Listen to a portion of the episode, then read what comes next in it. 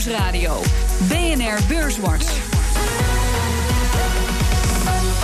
Rob Jansen. Welkom bij Beurswatch, het enige beleggingsprogramma op de Nederlandse radio. Met Arjen van der Meer van Optimix en Stan Westerterp van Jansen en van Noord Vermogensbeheer. Heren, welkom.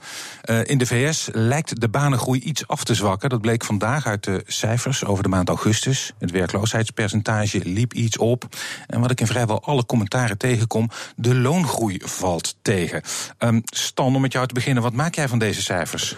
Uh, nee, die waren tegenvallend, heel, heel kort samengevat. Uh, inderdaad, uh, deze maand was minder dan verwacht. Iets meer dan 150.000 banen, terwijl men van een kleine 200.000 uitging. Maar ook de vorige maanden werden neerwaarts bijgesteld. Hm. En inderdaad, je zei het zelf al, de loongroei, lees looninflatie... die is eigenlijk ook zeer tegenvallend. wat betekent dat het, de doelstelling van de centrale banken... wat natuurlijk altijd is op een bepaald inflatieniveau aan te komen... dat het heel mondjesmaat gaat. En dat we eigenlijk zien in Amerika dat het al tijden lang echt moeilijk is om die lonen structureel over de hele economie uh, omhoog te krijgen. En je zou eigenlijk zeggen, bij zo'n lage werkloosheid, 4,4 procent, dat is echt uh, historisch laag, mm. um, hoort eigenlijk een betere looninflatie. En dat zie je dus niet terug. En daar zal uh, ongetwijfeld de Fed zijn zo'n conclusies uit gaan trekken. En je zag ook al meteen de verwachtingen voor een verdere renteverhoging dit jaar nog, mm. werden meteen getemperd. Dat ging van, van iets meer dan de helft naar ongeveer 30 procent. Dus de kans dat de Fed nog een keer de rente dit jaar gaat verhogen, is aanzienlijk afgenomen. Ja, Um, de rente verhogen gaat niet door. Moeten we ons ook zorgen maken over de Amerikaanse economie? Is het uh, voorlopig even voorbij, Arjen? Um, nou, dat denken wij nog niet. We denken wel dat de VS laat in de cyclus zit. Um, dus de economische data is op zich nu redelijk goed. We zagen ook weer wat meevallende data. De, de, de retail sales die werden naar boven bijgesteld. En uh, de investeringen van bedrijven zitten duidelijk in de lift. Dus we verwachten eigenlijk voor de komende paar kwartalen toch wel 2,5 à 3 procent. Mm. Wat nou ja, rondtrend groei is en ja, best heel prima. Um, voor 2018 denken we wel dat het veel moeilijker wordt voor Amerika. Mm. En uh, want dan zit je in verschillende trends die verder ja, zeg maar conjunctureel gewoon dat het in verschillende sectoren minder gaat. Ik zag bijvoorbeeld vandaag dat de bouwuitgaven ook zijn teruggezakt naar het niveau van 2011. Um, ehm, is dat een van de redenen om aan te nemen dat het uh, minder gaat dus uh, in 2018? Um, nou, een belangrijke reden uh, waarom we denken dat de VS laat cyclus is... is omdat je al in de kredietmarkten her en der scheurtjes ziet, spanningen ziet. dus bij de commerciële vastgoed, autoleningen, consumenten, eh, kredietkaartleningen. Uh, dus daar zie je wel dat de, de, de kredietmarkt wat overspannen raakt. En daar maken centrale bankiers zich ook zorgen over. Dus niet zozeer omdat inflatie zou stijgen, maar meer omdat ze uitwassen in de kredietmarkten en in de financiële markten willen voorkomen. Mm. Zal de Fed toch stukje bij beetje de rente gaan, moeten verhogen. Mm. En ja, daar zal de markt last van gaan krijgen op een bepaald moment. Ja, rente verhogen. Um wat moeten beleggers hiermee, uh, Stan? Uh, nou ja, kijk, we zitten natuurlijk op recordstanden, uh, met name in Amerika. Uh, als je ziet dat je inderdaad, wat Anja net zegt, kleine haarscheurtjes ziet, uh, de rente ver, verhoogt. Ehm, ik ben toevallig zelf net een, een, maand in Amerika geweest. Ik heb ook gezien dat ja, alles gaat op voorraad daar. De, de, de, auto's staan langs de kant van de snelweg, kun je zo meenemen. De huizen zijn al afgebouwd voordat ze verkocht zijn. Mm. Zo zijn er nog wel een aantal sectoren waar je ziet dat ja, het moet niet tegenvallen. Want ja. dan komen er heel snel heel, heel hard afschrijvingen. En uh, ja, dat hebben we eerder natuurlijk zien gebeuren. Van de andere kant Uh, werkloosheid is ontzettend laag. Er is wel degelijk groei. Uh, er is ruimte voor de Fed om verder te verhogen. Maar over het algemeen is een stijgende renteomgeving natuurlijk niet lekker voor aandelenbeleggers. Nee. Totdat het op een bepaalde hoogte komt en het echt gewoon te ver gaat. En dat je dan gewoon ziet dat aandelenbeleggers gaan afhaken. Maar vooralsnog zie ik niet zo, zo snel in waarom uh, de Fed heel hard, heel snel verder rente zou gaan verhogen. Sterker nog, ik denk dat het nog wel eens veel langer en veel langzamer kan gaan zijn dan dat wij tot nu toe allemaal hebben aangenomen. Dus daar verschillen jullie enigszins uh, van mening. Want jij gaat wel uit van uh, uh, langzaam, geleidelijke renteverhoging. Ja, geleidelijk, ja, maar wel heel geleidelijk. Ja. En ja, Jellen kennende zo geleidelijk mogelijk. Ja. Hoewel ze ja, snel vertrokken ja. zal zijn wellicht. Wat mij uh, dan toch altijd weer verbaast... en ik leg het vaak aan mijn gesprekspartners hier in Beurswatch uh, voor... die crisis is lang geleden uitgebroken... We zijn die, die, die, eigenlijk hebben we een hele opgaande cyclus gehad in Amerika. En Europa zit daar nu ook stevig in. Ja. En toch worden we aan het uh, handje gehouden door de centrale banken. We kunnen niet zonder. Is dat niet heel erg zorgelijk, dan? Ja, maar we zijn er inmiddels zo aan gewend geraakt. De patiënt is eigenlijk, wat je zelf omschrijft, nooit van het infuus afgegaan. Nee. Um, en elke hint die er is dat er misschien een keer uh, de, de dosering zeg maar, wat minder zal worden, zorgt ervoor dat we, dat we in paniek kunnen raken. Mm. Maar het is wel zo, um, ja, het is, het, het, is eigenlijk weer gewoon um, business as usual, uh, mm. zoals je overal ziet. Uh, maar met één verschil, denk ik, dat iedereen nog wel die crisis vers in het geheugen heeft. Dus als je kijkt hoe zeg maar, de huishoudens uh, en de zaken, de, de, de businesses, hun balansen op orde hebben. Mm -hmm. dan denk ik wel dat dat over het algemeen een stuk beter is dan dat dat was voor de crisis. Um, en dat je dus ook gevoeglijk ervan uit kan gaan dat zoiets ons zo snel niet meer zal gebeuren. Maar dat betekent niet dat we uiteraard tot in de lengte der dagen door zullen groeien. Ja, alles gaat in, in, in cycli nou helemaal. Mm. En inderdaad, Amerika is, dat ben ik wel met Arjen eens, wat dat betreft uh, aan, aan de late uh, stage van de cyclus uh, begonnen. Ja, we zagen toen we die, die, die banencijfers die kwamen vanmiddag. En uh, die vielen dus licht tegen. Hebben we ook geconstateerd. En meteen ging uh, de euro omhoog. Even een korte tik. En daarna weer naar beneden. Um, eigenlijk dus een eenmalig effect. Maar je kunt los van die ene tik naar boven wel zeggen dat de euro gewoon ontzettend duur is al heel lang. Um, of is, is de afgelopen half jaar enorm gestegen. Um, wordt dat ook geen bedreiging voor de eurozone? Uh, ja, er zijn een aantal dingen over te zeggen. De euro is natuurlijk heel sterk gestegen, maar die kwam ja. van een heel laag niveau. Die is vijf jaar lang heel sterk gedaald. Dus als je naar bepaalde prijsvariabelen kijkt, is de euro nog niet duur. Gaat hij meer naar een zeg maar fair value, een gemiddelde waardering. Mm -hmm. Dus uh, de euro is wel sterk gestegen en waarschijnlijk wat te snel in een korte tijd. Mm. Uh, nog niet echt duur. Uh, dus wij verwachten wel dat de euro een pas op de plaats zal maken in de komende 1, 2 maanden. Dat die 1,2 toch wel voorlopig even het plafond is. Mm. En ja, die cijfers in de VS die werden toch wel gemixt uitgelegd, gegeven dus uh, de, de fluctuaties. Uh, omdat ook daarna uh, het inkoop, inkoopmanagersonderzoek voor de, voor de maakindustrie, de ISM, die viel goed uit. Mm. En ook het, de employment, de, de banenvariant daarvan. Dus al met al was het toch wel een redelijk gebalanceerde set met cijfers. En ja, zal wellicht toch de balans een beetje uitslaan naar een iets sterkere dollar op korte termijn. Ja, um, en er zijn natuurlijk twee partijen die hier een rol spelen als je het hebt over de euro-dollar verhouding. De Fed aan de ene kant en aan de andere kant onze eigen ECB. Dat opkoopprogramma, Stan, dat uh, loopt in december af. Zal natuurlijk niet meteen uh, gestaakt worden. Uh, maar wat de ECB nou wel gaat doen na december, dat is nog niet duidelijk. En sommige analisten die vinden dat het hoog tijd wordt dat ja, de ECB toch wel moet gaan aangeven op korte termijn. Bij de eerstvolgende vergadering al van wat ze gaan doen. Hoe zie jij dat? Volgende week, als ik me niet vergis, ja, al? Ja.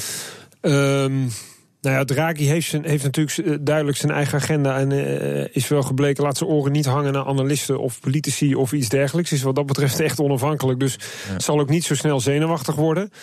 Um, in principe loopt het in december af, dat zeg je terecht. Maar ik denk, uh, en velen met mij, dat dat inderdaad ook niet meteen zal betekenen dat het na december nul zal zijn. Sterker ja. nog, uh, dat zal echt nog wel een tijdje doorgaan. Uh, maar wat wel heel belangrijk is, en dat is het punt volgens mij wat je wil maken, is dat de ECB altijd en iedere centrale bankier heeft geleerd de afgelopen jaren om bij de financiële markten aan het handje te nemen door veruit al voor te sorteren op wat er gaat gebeuren. En ja. dat betekent niet zozeer flat out te zeggen van dit gaan we doen, maar wel de contouren te schetsen waar binnen het beleid zeg maar gaat, gaat plaatsvinden. En ik ben wel met je eens, en ook met de mensen die dat zeggen, van hij moet de komende maanden, misschien volgende week, wel gaan aangeven van joh, wat gaat er eigenlijk na december gebeuren? Want als hij wacht tot en met december uh, om zeg maar weer uh, de richtingwijzer aan te gaan geven, mm. ja, dan, dan krijg je wel misschien wat licht, uh, wellicht wat meer paniek op de financiële markten. En dat geeft ook maar weer aan hoe verslaafd we zijn geraakt, inderdaad, aan, aan de woorden van, van centrale bankiers. Ja. En wat verwacht jij van de ECB, Arjen? Ja, ik verwacht toch ook wel dat op 7 september, als uh, de ECB weer bijeenkomt, dat Draghi toch wel uh, bepaalde hints zal moeten geven op wat, er, wat hij wil gaan doen met het opkoopprogramma.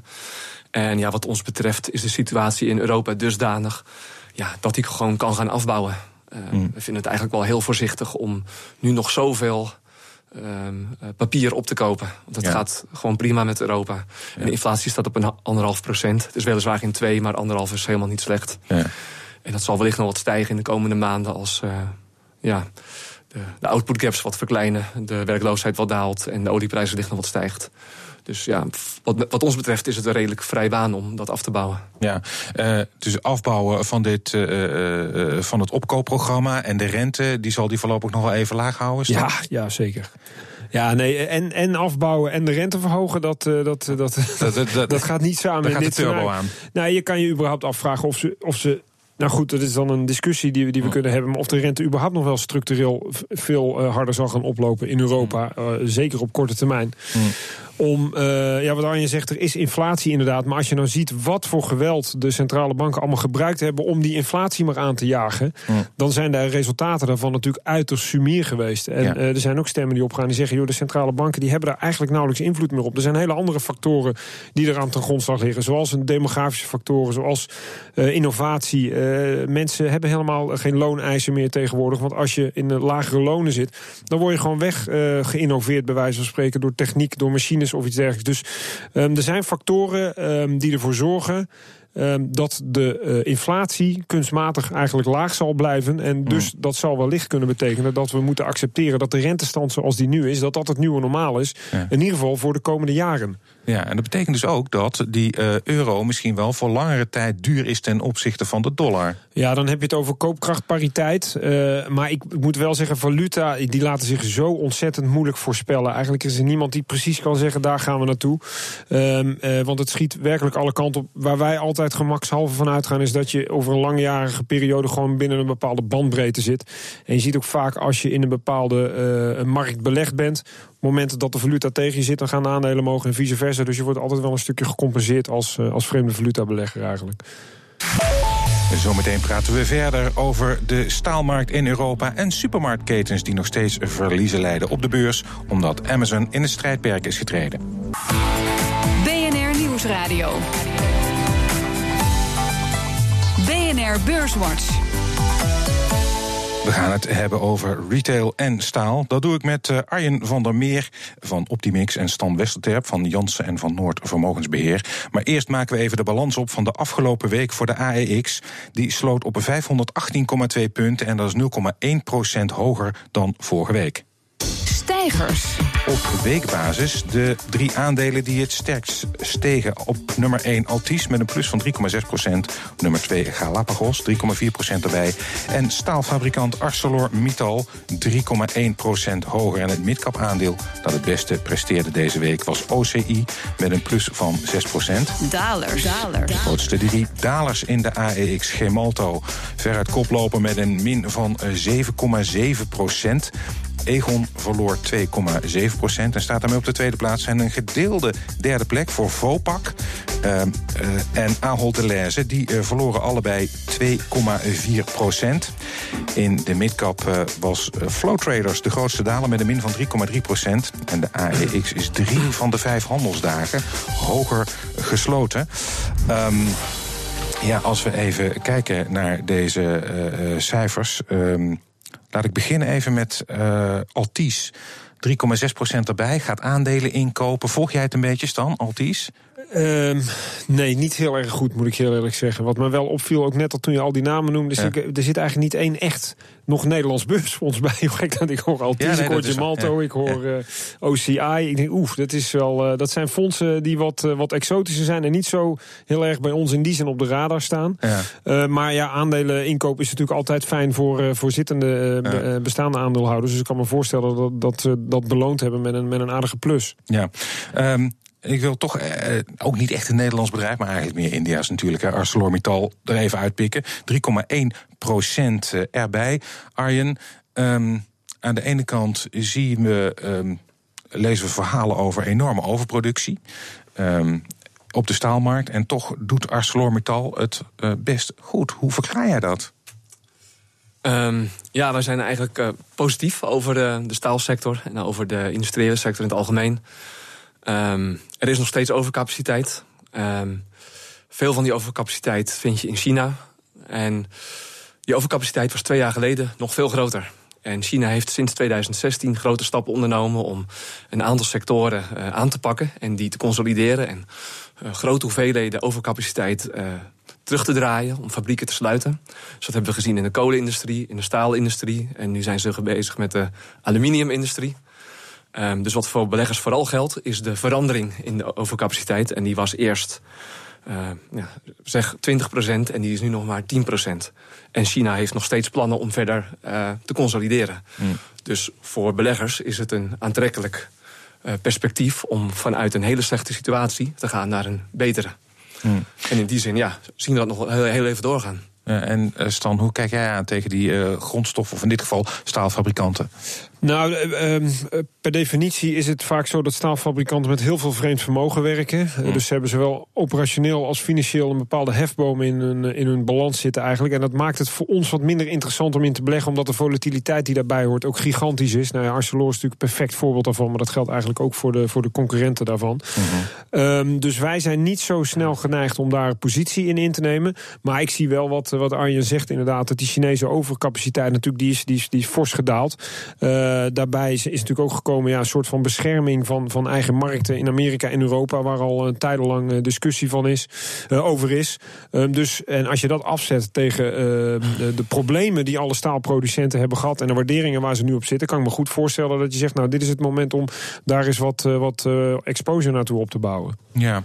Um Daarnaast speelt er in de Europese staalsector uh, een, uh, ja, speelt de vraag van uh, consolidatie, ja of nee. De bedrijven zelf willen dat heel graag. En, en fusie waar al heel lang over gesproken wordt, is Tata Steel Europe en uh, ThyssenKrupp, Duits bedrijf. Um, die twee die willen volgens mij ook wel uh, met elkaar. Maar nu, zo vlak voor de verkiezingen in Duitsland, lijkt dat uh, te gaan stranden. Um, Arjen, als ik jou hoor over uh, staal, uh, overcapaciteit, die loopt weliswaar terug. Die fusie, is die noodzakelijk voor de Europese staalindustrie? Of zeg je van nou ja, ze hoeven ook niet zo nodig? Uh, het zou zeker helpen. Het zijn toch allebei grote spelers binnen Europa. ik denk voor het, het, mondiale overcapaciteitsplaatje dat het minder uitmaakt. Dat hangt hm. toch voor een heel groot gedeelte aan China. China heeft een handreiking gedaan naar Amerika om mee te doen, maar Trump heeft dat afgeslagen. Trump heeft ook de staalbanen nodig. Um, dus ja, ik denk dat het goed zou zijn voor, de voor Europa. Um, in grotere licht denk ik dat, ze, ja, dat het niet kritiek is. Ja. Niet kritiek. Ja, um, wat mij uh, vooral uh, um, uh, ja, wat mij triggert, Stan, is dat dit heel erg wordt toegeschreven aan de Duitse verkiezingen die eraan komen. Ja. Men gebruikt in feite de, de druk waar politici onder staan om ja. dit af te schieten. Dat is eigenlijk ook wel een ernstige zaak, of niet? Uh, ja, alleen tegelijkertijd, het gaat geloof ik in Duitsland om 27.000 banen. Ja. Uh, dus ik kan me goed voorstellen dat dat gepolitiseerd wordt, als dat een goed Nederlands woord is. Mm, ja. uh, waarbij je natuurlijk te maken hebt met het feit dat politici gewoon afgerekend worden op de economische voorspoed van een land. en dat dat dus betekent, zeker in verkiezingstijd, dat dit een, een heet hangijzer wordt. En dat ze bij ThyssenKrupp, het, het, het bedrijf wil zich eigenlijk opsplitsen. Je hebt natuurlijk de, de liften en de, hoe noemen ze, de escalators. Ja. en dat willen ze afsplitsen van de traditionele staalactiviteit. En dat zou prima met Tata Steel inderdaad passen. Alleen ze zijn gewoon bang dat dat banenverlies gaat, uh, gaat, uh, gaat opleveren. Ja, en dat is in, in, in verkiezingstijd niet een heel populair thema om, uh, om te verkondigen. Dus kan ik me heel goed voorstellen dat er Duitsers zijn die, die op de rem willen trappen. En die zeggen van nou, dat gaat gewoon niet gebeuren tenzij er een aantal garanties tegenover komen. Anderzijds, na de verkiezingen kan de wereld er natuurlijk heel snel heel anders eruit zien. Mm, ja, um, als we kijken naar uh, ja, een sector die misschien toch wel dichter bij de meeste mensen staat en de meeste beleggers ook, retail. Um, ik zei het al in deze lijst met dalers, niet voor het eerst, nee. bijna week op week, uh, staat Ahold in de top drie van grootste dalers. Amazon die uh, heeft Whole Foods uh, overgenomen. Dat wisten we al. Deze week werd duidelijk dat er ook met forse kortingen wordt gestrooid bij Whole Foods. Um, Stan, is dit nou een paniekreactie, overdreven paniekreactie ja, van beleggers? Ja, of ondubbelzinnig ja. Ja, ja um, daar kwam deze week bij natuurlijk een flinke omzetwaarschuwing van Carrefour. Die, ja, die, meer, meer, dan 10% onderuit ging op de Franse markt. Dat raakte ook uh, het Belgisch-Nederlandse Ahold Delhaize. Um, maar het, is, het zijn ontegenzeggelijk weken, maanden die, uh, die heel interessant zijn, met name in het Amerikaanse retaillandschap. Um, en Amazon, jij zegt zelf, heeft natuurlijk Whole Foods overgenomen. Ja, ik heb daar toch een beetje een, een, bepaald idee. Whole Foods is een hele kleine speler in Amerika. Zet zich met name in op biologisch organisch. Is veel duurder dan de rest. Hm. Heeft maar 2% van het totale marktaandeel in handen. Uh, iets meer dan 400 filialen. Dat klinkt veel, maar dat is in Amerika peanuts. Ze zitten alleen in de grote steden. Zitten in minder dan, dan 10 staten, terwijl er ja, veel meer zijn. Dus het is echt een hele kleine speler. Vervolgens gaat Amazon de prijzen verlagen van de biologische muesli en, en dat soort dingen. En iedereen schikt zich rot uh, in, in, in de retailmarkt en begint massaal aandelen te dumpen van, van, van, van de concurrenten. Walmart, Costco, Target, Kroger. Ja. Kroger. Ja. Um, en ook dus Ahold Delhaize, dat meer dan 50% van zijn omzet uit, uh, uit Amerika haalt. En ik denk, persoonlijk uh, uh, gezien, zeker met wat ik net zeg over Whole Foods... dat het eigenlijk een hele kleine speler is. En dat Amazon is helemaal niet ervaren in het doen van grote overnames... Um, dat dit, ja, de, de, soep niet zo heet wordt gegeten als dat hij wordt opgediend. Uh, en dat ik de reactie van, uh, van, van de markt uh, mm -hmm. wat overdreven is geweest. -hmm. waar ik wel zenuwachtiger van word, is inderdaad dat Kroger zelf al een keer met een winstwaarschuwing is gekomen. Ja. En dat bijvoorbeeld een prijsvechter als Lidl de Amerikaanse markt gaat betreden. Ja. Dat vind ik persoonlijk veel, veel gevaarlijker voor, voor de gevestigde orde die in Amerika actief ja. is. Dat kan ik me goed voorstellen. Aan de andere kant. Um ja, je ziet als trend wel. Uh, uh, ik denk dat de angst vooral zit in het feit van. Gaan mensen online boodschappen doen? En dan, daar is Amazon natuurlijk wel heel sterk in. Hoe zie jij dat, Arjen? Denk jij dat uh, die online spelers uiteindelijk de overhand gaan nemen? Ja, ik denk op de midden tot lange termijn zie ik dat wel gebeuren. Op de korte termijn hebben ze nog niet echt een goede formule gevonden om mensen massaal te laten online boodschappen. Mensen gaan toch nog steeds graag naar de supermarkt. Hm. Wat we al wel zien is dat uh, de online spelers al een behoorlijke prijsdruk opleggen op de grote supermarkten. Dus wat de supermarkten eigenlijk al een tijdje doen, is de prijsniveaus naar beneden bijschalen om hun marktaandeel te behouden. Dus online is nog klein, maar het zorgt er nu al voor dat de prijzen onder druk staan. En dat is wel een grote, grote factor. Ja, en uh, wat misschien ook wel een probleem is. Tenminste, ik, ik heb gelezen, Stan, dat voor uh, Amazon Whole Foods interessant is. En ze daar niet eens zozeer winst mee hoeven te maken. Maar zij zijn meer een databedrijf Precies, natuurlijk. Data en dat ze die ja. klantengegevens veel interessanter vinden. Ja. dan of er een biologische avocado wordt verkocht. Ja, daar ben ik uh, gedeeltelijk met je eens. Uh, en gedeeltelijk ook niet. Omdat het profiel van Whole Foods zo is. dat zij dus echt alleen in, die, in een paar hele grote steden zitten. Uh, en dat zegt dus nog niets over de rest van het land, zeg maar. Eh, dat is één. En twee. Um, wat je merkt in de supermarktwereld, uh, en dat geldt veel meer nog in Amerika dan hier, is dat locatie heel erg belangrijk is. Gewoon ja. om de hoek aanwezig zijn.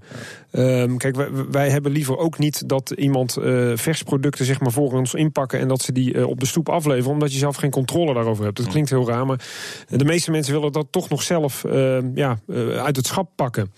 Um, en je ziet, want thuis afleveren is niet, niet nieuws in Amerika. Dat bestaat al jaren. Dat doen ja. andere bedrijven ook al. En dat, dat stijgt toch niet zo op. Wat je wel merkt inderdaad, en dat is natuurlijk het risico... is dat de online component komt. Dat uh, de gewone alledaagse boodschappen... die niet, het niet verse voedsel, dat mm. dat afgeleverd gaat worden... voor je deur met één druk op de knop... of door tegen je persoonlijke assistent te zeggen... joh, bestel het weer voor mij. Mm. dat dat zorgt voor een, een andere distributienetwerk netwerk. Um, en dan kom je op het punt wat jij zegt. Dan is het voor Amazon natuurlijk wel heel erg interessant om te zien ja, hoe die goederen zich bewegen van, van, van, uh, van de winkel uh, of van het uh, warenhuis naar de eindconsument toe. Ja. dus dat kan ik me goed voorstellen. Maar ik zie nog niet rechtstreeks het gevaar voor de traditionele supermarktketens dat Amazon nu de hele wereld daar in dat landschap op zijn kop gaat zetten. Oké. Okay. Um, we zijn alweer bijna aan het einde van onze uitzending gekomen. En vlak voor het einde, dan vraag ik altijd de, aan mijn gasten de tip voor de beleggers. Arjen, wat zou jij uh, onze luisteraar adviseren als kooptip bijvoorbeeld? Mag van alles zijn: vastgoed, obligatie, aandeel.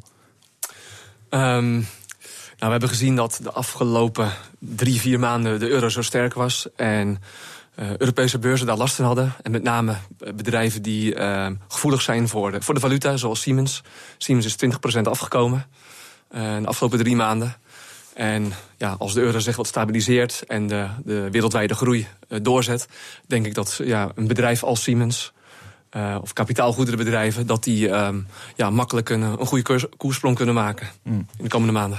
Siemens, Stan, wat is jouw tip? Nou ja, we hebben het er net al over gehad. Dollar, retail, gevaar van online en een, een, een afstraffing die in mijn ogen te ver is doorgeslagen. Dus dan zou ik voor, voor Aalt kiezen. Maar wel voor een lange termijn strategie. Niet om, wij zijn geen handelaren in die zin erin eruit. We kiezen echt voor, voor een lange termijn. Buy and hold. Buy and hold. En uh, incasseren het dividend maar en kijk over een paar jaar maar weer eens hoe het ervoor staat. Oké, Siemens en Ahold. Daarmee zijn we aan het einde gekomen van deze aflevering van Beurswatch. Ik dank mijn gasten van vandaag, Arjen van der Meer van Optimix en Stan Westerterp van uh, Jansen en van Noord Vermogensbeheer. Volgende week is er natuurlijk weer een Beurswatch. Deze uitzending die kunt u naluisteren op de website van BNR of via de BNR-app. En heeft u nog vragen, dan kunt u een tweet sturen naar Rob of BNR. Dank voor het luisteren. Om die ingewikkelde wereldpolitiek te volgen heb je een soort GPS nodig. Die navigator, dat is BNR De Wereld. Neem Europa en Turkije en Trump. Poetin en Oekraïne en Trump. Of Syrië en Irak en Trump. In BNR De Wereld kijken we met Nederlandse ogen naar de wereld en Trump. BNR De Wereld, het beste binnenlandse programma over het buitenland. Elke donderdag om 3 uur of luister terug via podcast of de BNR-app.